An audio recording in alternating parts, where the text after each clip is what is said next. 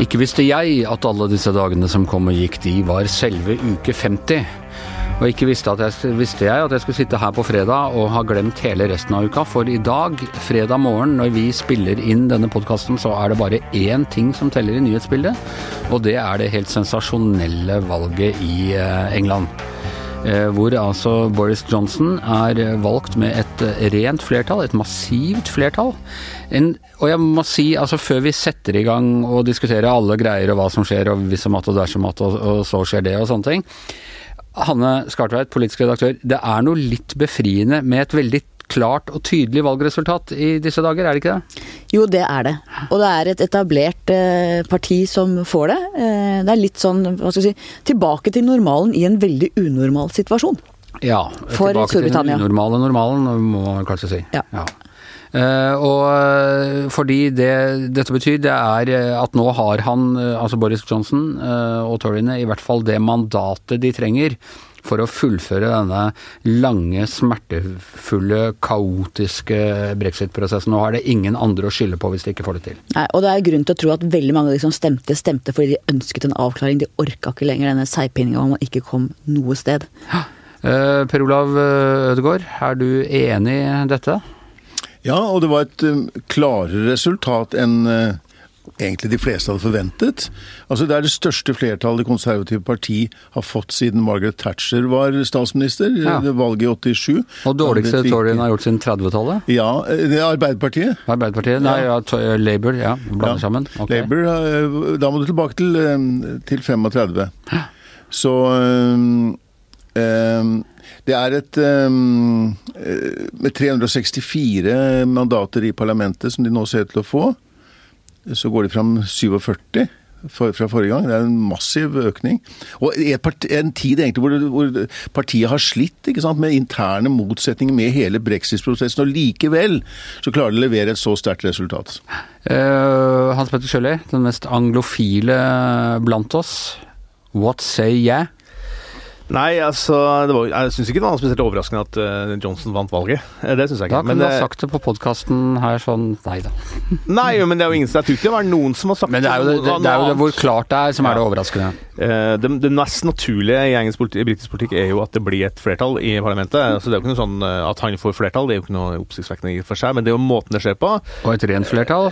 Ja ja, men altså sammenlignet med Tony Blairs valgseier i 1997, så er det flertallet her mye mindre enn det han hadde den gangen. ikke sant? Han hadde jo over 400, eh, 418 seter. Vi kan snakke litt om det etterpå, for det er jo Men- roten men- til alt ondt, uh, ifølge enkelte. Ja, men valgseieren i 97. det som jo er da Det som er, det er et kjempe, en kjempetriumf for Boris Johnson og hans folk, det er det ingen som helst tvil om. Og det gikk jo på slutten her, så satt vi og snakket om at nå begynte meningsmålingene å vise at eh, Labour kunne gjøre det langt bedre enn vi trodde og sånn. Ja, men det er jo litt mediedynamikken, det òg. Vi skal jo jazze opp valg for å få det mest mulig spennende. Og da er det sånn Ja, det ble en thriller og sånn, men alle sammen visste jo at det ble ikke noen thriller, fordi eh, Jeremy Corbyn, som er leder for Labour, er, er Storbritannias desidert minst populære politiker, og har vært, hatt en helt elendig valgkamp. hvor Han, liksom, øh, han skulle ikke snakke om brexit i det hele tatt, selv om alle egentlig var opptatt av brexit. Så prøvde han å selge inn da, det mest venstreorienterte budskapet som Labour har hatt, i hvert fall siden uh, begynnelsen på 80-tallet. Um, but, no one cared. Må se, eh, tegner eh, Morten Mørland, som jo vi er så heldige også tegner her i eh, VG innimellom, eller hver søndag, han har laget en fantastisk tegning av Corbyn som sklir på et bananskall.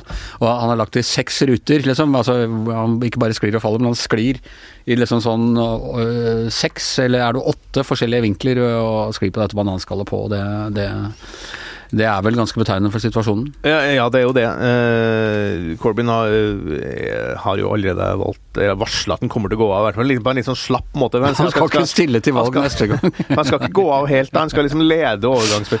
Men, men det som jo, og det skal vi sikkert snakke mer om her etter hvert, men det, det som jo er et nederlag, veldig stort nederlag for Labour, er jo at, eh, og for venstresida i Europa, er jo at mange sånn litt utpå venstresida i hvert fall, har jo sett til Corbyn som en sånn slags redningsmann. da, Skulle liksom være den personen som, som redefinerte sosialdemokratien i vår tid.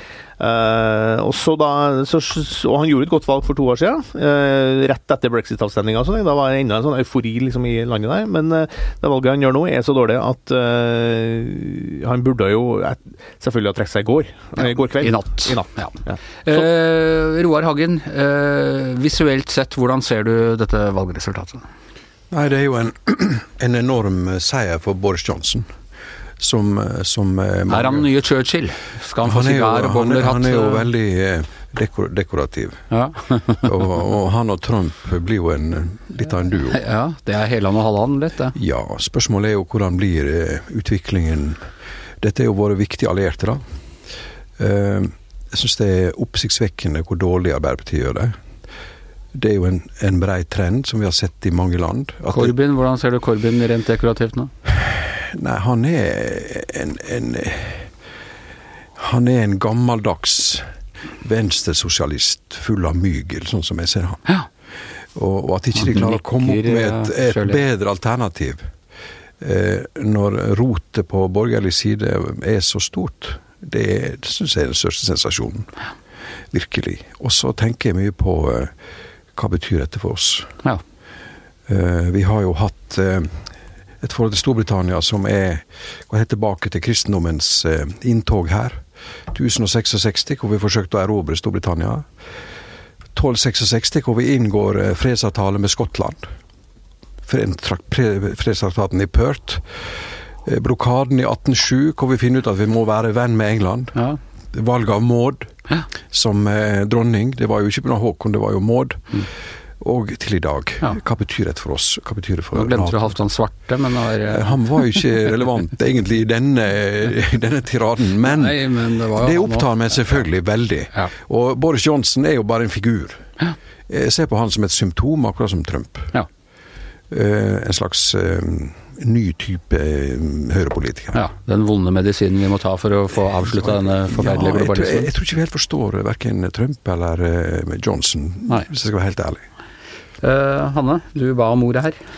Jeg bare tenker at Det er interessant at eh, flertallet til Boris Johnson er så stort og så bredt, også i en del gamle arbeiderpartikretser, som gjør at vi antageligvis ser et mer sentrumsorientert konservativt parti enn det man kunne frykte hvis det hadde vært en knappere seier, for nå får de veldig veldig konservative mindre å si. Ja, Men tror du de trenger, trenger, de, altså trenger Boris Johnson å bry seg om det?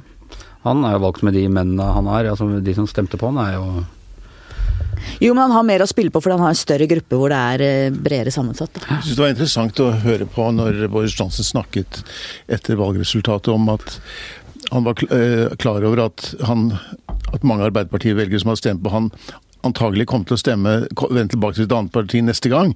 Men Han var takknemlig for den stemmen. Han var ganske ydmyk og sa at vi tar ikke deres stemme for gitt, men takker for den støtten de hadde fått nå. Han, han forsto på en måte at det var situasjonsbestemt. Ja. Eh, dette var jo ganske Det var ydmykt fra den kanten. Jo, men, men, samtidig ganske smart, tenker jeg. For at de gjør et stort innrykk i uh, tradisjonelle Labour-kretser. Det kan jo være velgere de har til låns, men det kan også være velgere de kan vinne over. Men det som gjorde det avgjørende nå, var jo, tror jeg, helt overbevist om at det var, dette var velgere som eh, var lei av alt som hadde med brexit å gjøre. Nå må vi bli ferdig med det. Han hadde det slagordet som, var, som vant denne valgkampen, 'Let's get Brexit done'.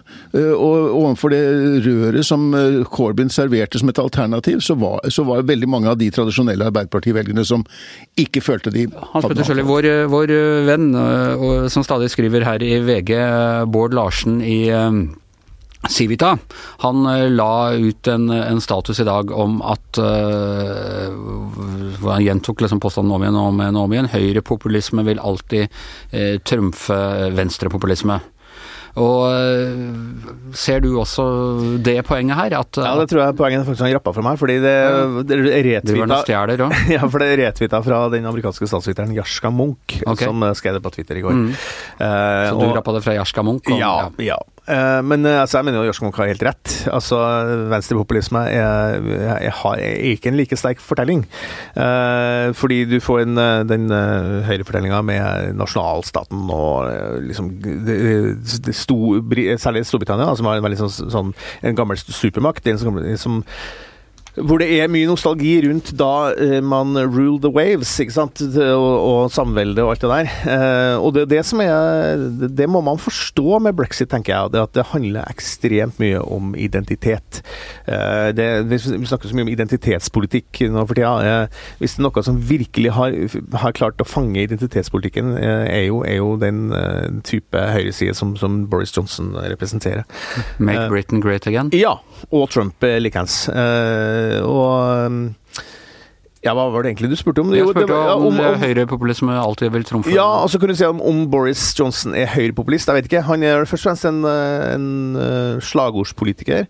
Um, da de vant brexit, så det jo, gikk det jo på akkurat det samme. sant? Du skulle ta 'take back control', som det var et veldig ekstremt potent slagord. Uh, og nå er 'let's get brexit done'. Og det er jo han derre uh, superkommunikasjonssjefen hans, Dominic Cummings, som jo er, et, et PR-geni, selvfølgelig, mm. har klart å utmerke seg der. Og i, i, hele valgkampen her så, så, så sa Boris Johnson nesten det på uansett hvilket spørsmål han fikk, så svarte han 'let's get Brexit done'. Og det er klart, det, det budskapet hamres, hamres, hamres, så vil jeg det det ender opp i. Det som jeg syns var, eh, var, litt interessant i forhold til det med de, eh, arbeiderbyene i eh, Midlands og litt lenger nord i, i England, så er det jo sånn at det, Gry Bleikastad på NRK var intervjua to karer på en pub der i, går. Det var veldig interessant, for de sa nei, vi må ut av EU, derfor stemmer vi Tories, selv om vi helst for nesen. Ja, men kan ikke stemme på, Boris, nei, på, på Jeremy Corbyn, da, som, som tilbyr tilbyr et eh, venstreradikalt program, som jo burde gå hjem der. Så sier de nei, vi kan aldri stemme på Corbyn, han stoler ikke på i hele tatt. Og det, er da, altså, og det er altså Labours mest prominente venstreradikaler, som er eh, uttalt eh, EU-motstandere. Vil ikke ta noe stilling til EU hvis det har vært en ny folkeavstemning. Så at, at, at, fremstiller, noen da fremstiller det her som et slags sånn sug etter en slags mer venstrepopulisme eller mer venstreradikalisme, det, det, det, får, det går ikke opp. Roar? Nei, jeg vet ikke. det godt kalle for populisme. Jeg, jeg, tror ikke det fører oss noe nærmere å forstå dette. Jeg tror det handler om at nasjonalstaten føler seg overkjørt av overnasjonalstaten. Og dette kan jeg si som gammel og trofast EU-tilhenger, og jeg syns det er veldig sørgelig det som skjer nå. Men det er følelse av at um, overnasjonalstaten ikke klarer å ivareta innbyggernes interesser. Jeg tenker jo på din klassiske tegning etter EU-avstemningen eh, e i 1994, hvor eh, din faste figur Dunk, som på en måte representerer oss alle, eh, den enkle, godtroende, godhjertede, snille nordmannen som sitter i en henger etter en diger skip som er EU, og har kutta seg løs og roper 'fri'. Og er det litt sånn med England nå? Ja, det er jo litt større båter ja, enn det norske. John Bull istedenfor Ola Dunk, men Ja, altså, spørsmålet er hvem kan, og, hvem kan ivareta borgernes interesser? Er det, er det lokalsamfunn, er det kommunen, er det staten, er det overnasjonalstaten? Og vi har jo trodd, jeg har jo alltid ment at overnasjonalitet var viktig for å kunne løse store oppgaver, men det ser ut som dette er i en stor krise. Og, og det har selvfølgelig med mange forhold å gjøre, men migrasjon, arbeidsledighet, og globalisering osv. Det at disse kommer, det, det, det, å kalle populisme, det syns jeg er så veldig fruktbart, egentlig. Det har en naturlig forklaring. Nå ba alle om ordet rundt bordet mens du snakket her. Det er Ødegård, deretter Skartveit og deretter Sjøli. Jo, men nasjonalisme er utvilsomt en del av dette valget. Du ser det skotske nasjonalistpartiet gjør et veldig godt valg.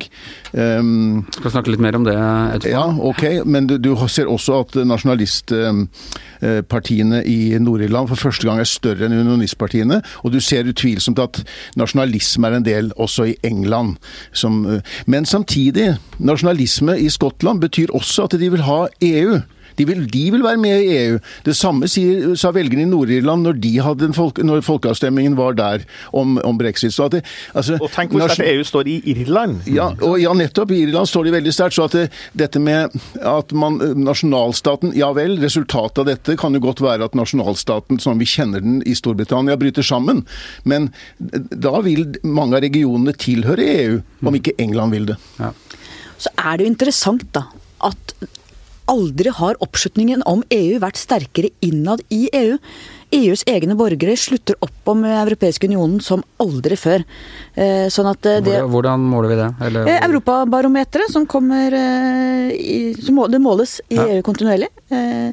I 2018 var det 60% som mente at eh, medlemskap i unionen er en bra ting, som var det høyeste nivået siden 1993, ifølge unionens halvårige euro eurobarometer. Ja, så det er, det er, interessante aspekter der, og jeg tror ikke det er sånn at alle nå vil bevare sin egen nasjonalstat. Tvert om så er det veldig mange som ser nytten av å være med. Det bør nordmenn også gjøre for øvrig. Ja, og helt enig, men altså, det er jo ikke noe motsetning mellom å være nasjonalstat og være medlem av EU. Tvert imot. Så er det jo aldri vært flere nasjonalstater i Europa enn det akkurat nå, samtidig som EU er mektig. Og det, jo, det, det, at det er et opprør mot en slags overnasjonalitet, det kan du da forklare en del ting med i Storbritannia, som jo er et gammelt eh, Eller i England, da, som er kjerneområdet her. Som er det gamle det, dronningen, kongens land, sant.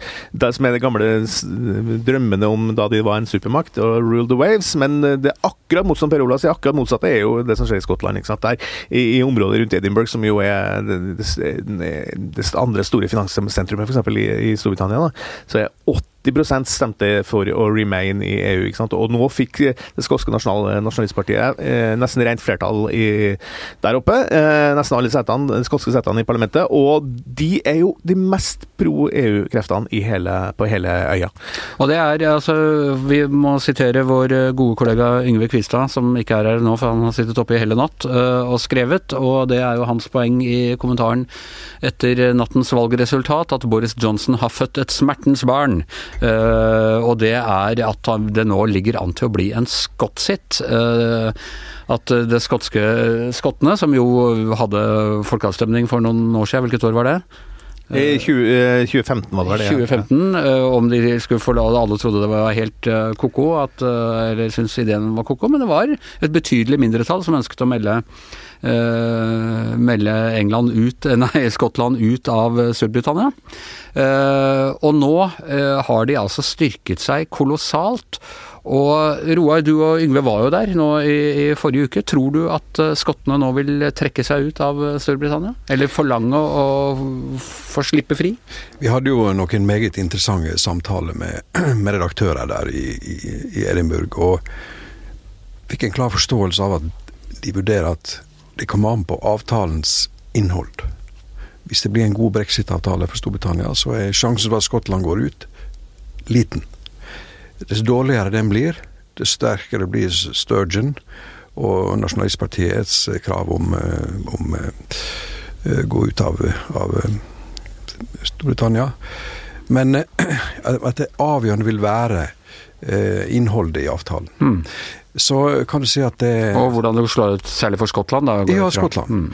Eh, hvis den blir god nok, så vil de tenke at nei, altså vi har det greit, vi, sant? vi kan leve med dette. Jo, de er jo rasjonelle, som vi fikk opplyst. De er jo rasjonelle, de er jo ikke ville nasjonalister. De ser jo på sine interesser.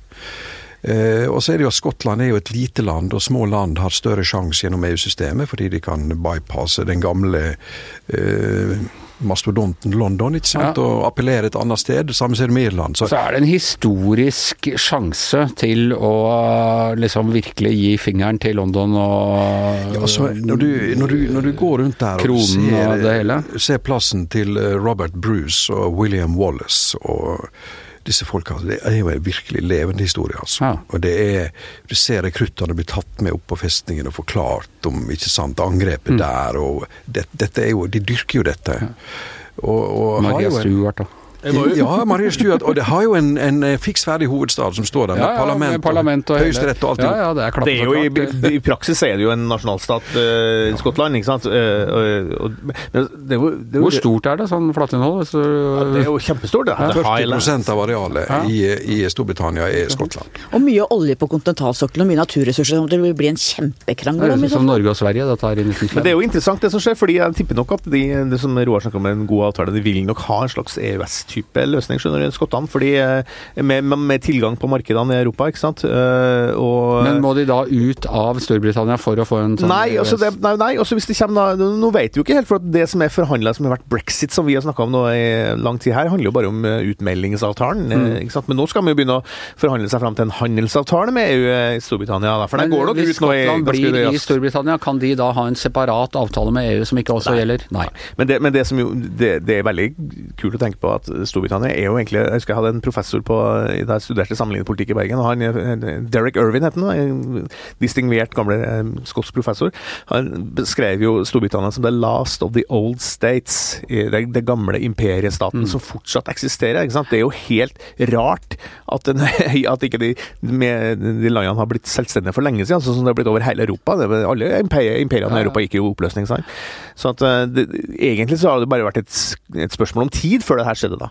Men det er jo ikke, noe, det er jo ikke gitt at det blir det likevel. fordi jeg så på noen målinger i Skottland nå, så er det ikke, det er ikke noe stort, det er ikke noe stort flertall for uavhengighet akkurat nå. Hva med, hva med Nord-Irland? Vil de uh de har vært sånn Deler der har jo vært litt mellomfornøyd. altså det som var, Nord-Irland ble jo ganske viktig etter det forrige valget, altså hvor når Teresa May ledet Det konservative parti, gjorde et dårlig valg eh, og trengte stemmene fra dette demokratiske unionspartiet eh, i Nord-Irland dupp, som det kalles. De eh, fikk en dupp. De fikk en liten dupp denne gang. Ja, altså de mistet, Demokratiske uh, Unionistpartiet. Ja, partiet. Mm. De, de, mistet jo to seter. Blant annet så ble han kastet ut, han lederen deres, parlamentslederen deres, Nigel Dodds. Um, så, mens nasjonalistpartiene altså vokste, vil si Sinn Fein, som da er IRA et republikansk parti, ikke sant, eller nasjonalistparti, de, de holdt sine syv stemmer. De møter men de jo ikke, ikke parlamentet? Nei, de møter ikke parlamentet. De stiller til valg, men møter ikke. Så fikk sosialdemokratene Eh, og Labour to, to seter. Sosialdemokratene er et annet parti, da. Men, eh, så, så, men dette er en eh, Jeg tror Dupp da ble straffet for å ha samarbeidet med de konservative. Det ble et upopulært valg i Nord-Irland. Det på en måte viser at landet som vi, Det er ikke bare den splittelsen mellom Skottland og England, men det er også en splittelse mellom eh, i forhold til både Nord-Irland og til Wales. Det er et ganske Det er et det britiske folk, hvis vi skal snakke om det, er et splittet folk. Ja, I den grad det går an å snakke om det. Det var sånn jeg mente i stad, Last of Old States, at det er jo, Egentlig så er det jo fire nasjonalstater her, men det har, måte, og det er jo veldig rart fortsatt, da, kunne du si at, at den nordlige delen av Irland ikke er en del av eh, den irske øya. Det er jo, det er jo fysisk en del av den irske øya, så det er jo det er også en sånn gammel løsning som kanskje på sikt kommer til å bare forsvinne. da. Det, det, det, det gjør i hvert fall at en del av dette, den dragkampen, det konfliktnivået som allerede er der, det vil egentlig forsterkes ved dette.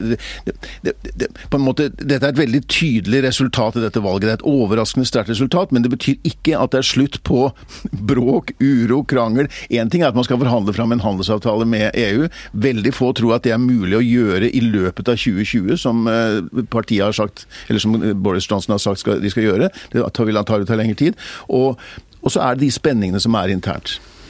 Og de må jo forholde seg til de fire friheter, i hvert fall hvis de skal ha en eh, bærekraftig avtale med EU. Og det ligger også fri eh, arbeids, eh, bevegelse av arbeidskraft, som jo har vært kanskje den viktigste grunnen til at det ble brexit in the first place. Sånn at det blir veldig komplisert. Ja, men altså forholde seg til det vil vel være et av de sterkeste kravene, om at de ikke skal måtte åpne grensene på den måten man er nødt til hvis man er fullverdig medlem av EU.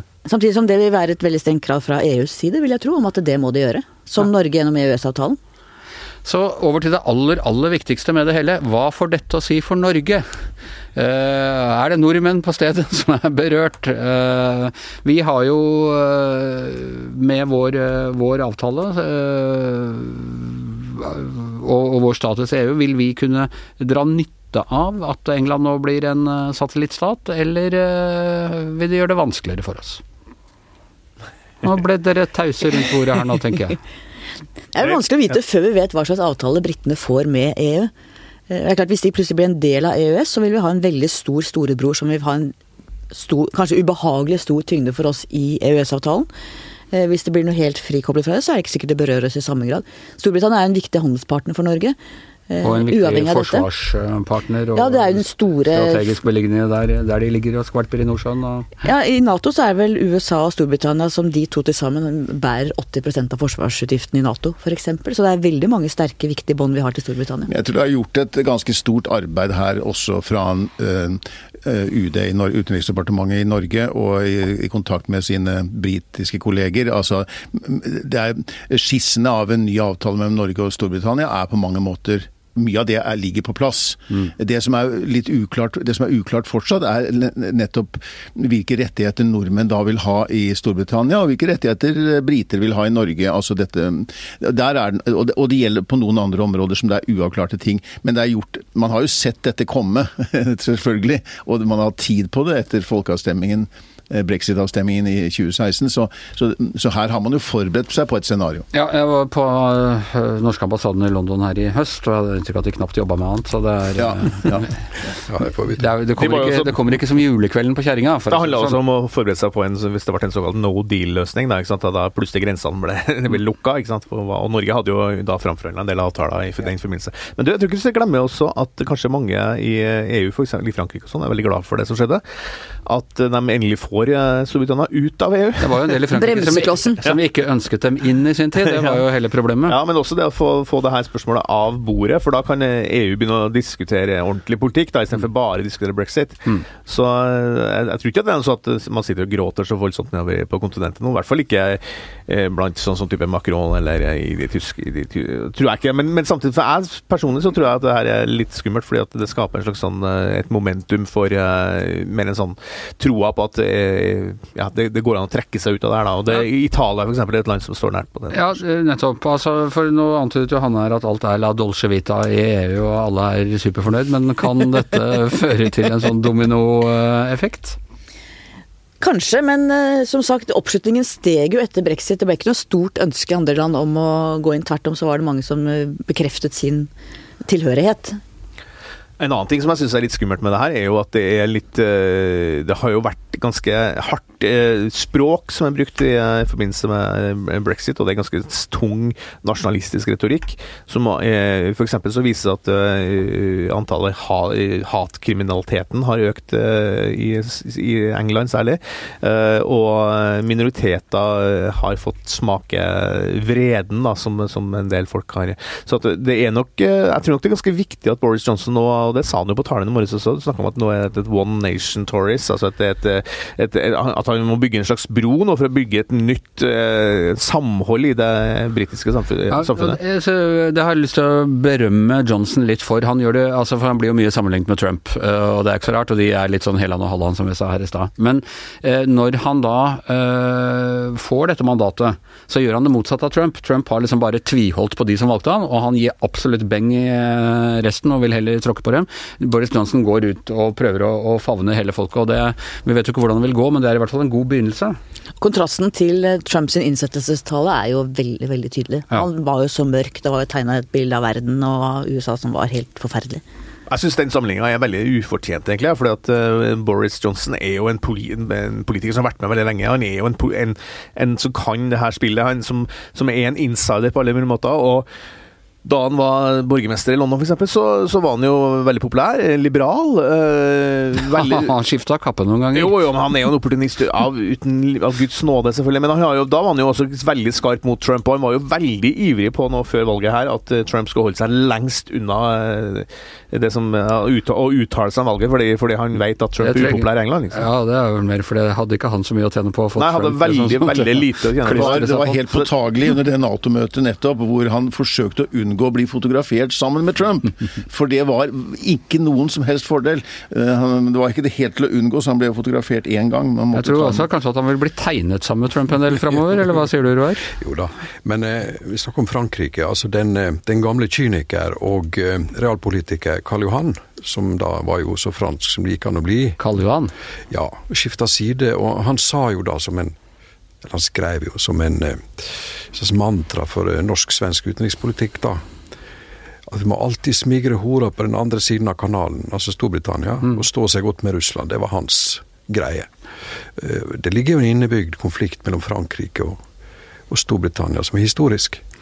Og um, den konservative skotske historikeren Neil, Niall Ferguson han sier at dette må vi sammenligne med løsrivelsen av den katolske kirka på 1500-tallet, med Henrik den 8. og alt dette. Dette er et gammelt. Nå skal hodene rulle på Ja, om ikke bokstavelig, så, så, er det tunge prosesser altså de skal gjennom, og, og med, medfører også nasjonale traumer i Storbritannia. Ja.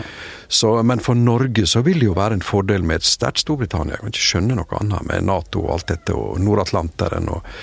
Vi har ikke noe å tjene på at de splitter opp.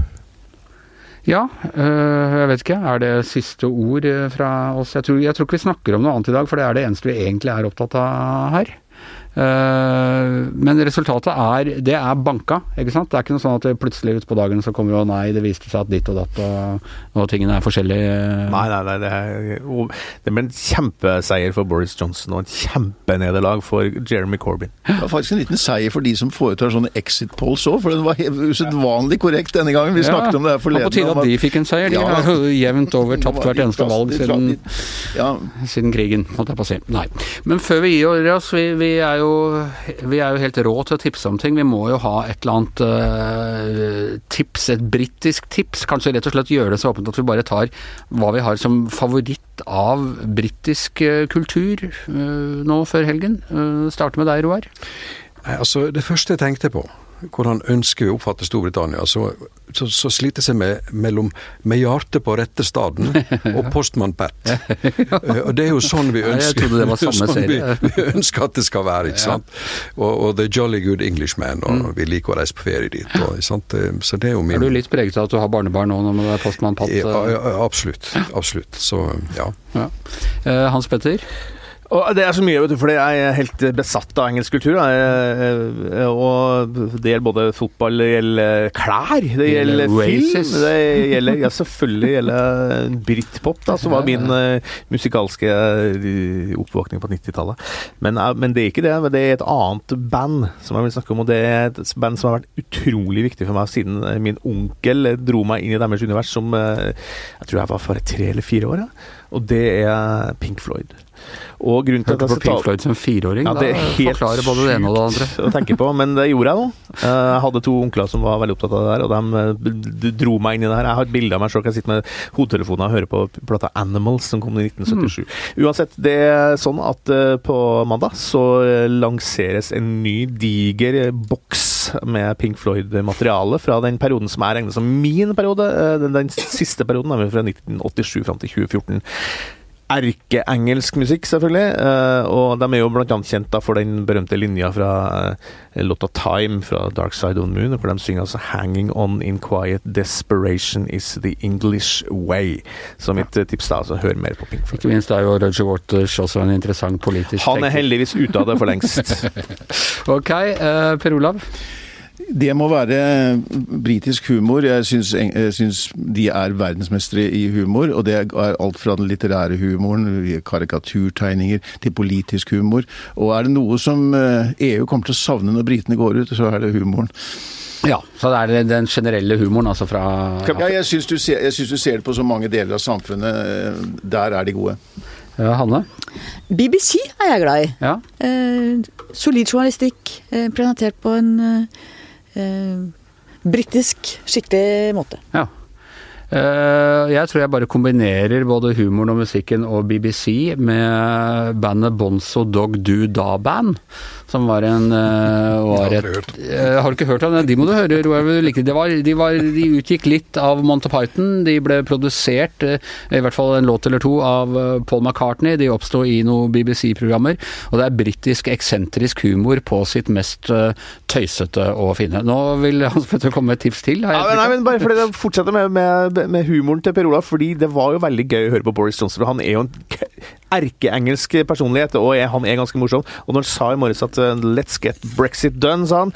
But first, let get, let's get breakfast, breakfast done. Så det, det, er engelsk eh, humor på sitt uh, fineste. Han er den nye Churchill. Uh, da er vi ferdige for i dag. I studio Roar Hagen, Hans Petter Sjøli, Per Olav Ødegaard, Hanne Skartvedt, Anne Skjever og our sovereign producer Magne Antonsen. Vi høres igjen på mandag. Forresten, glem ikke å høre på vår andre, en av våre andre podkaster, nemlig Verdens Gang som kommer hver dag, og eh, som også uh, forklarer eh, bakgrunnen for mange av de nyhetene vi dekker her i kveld.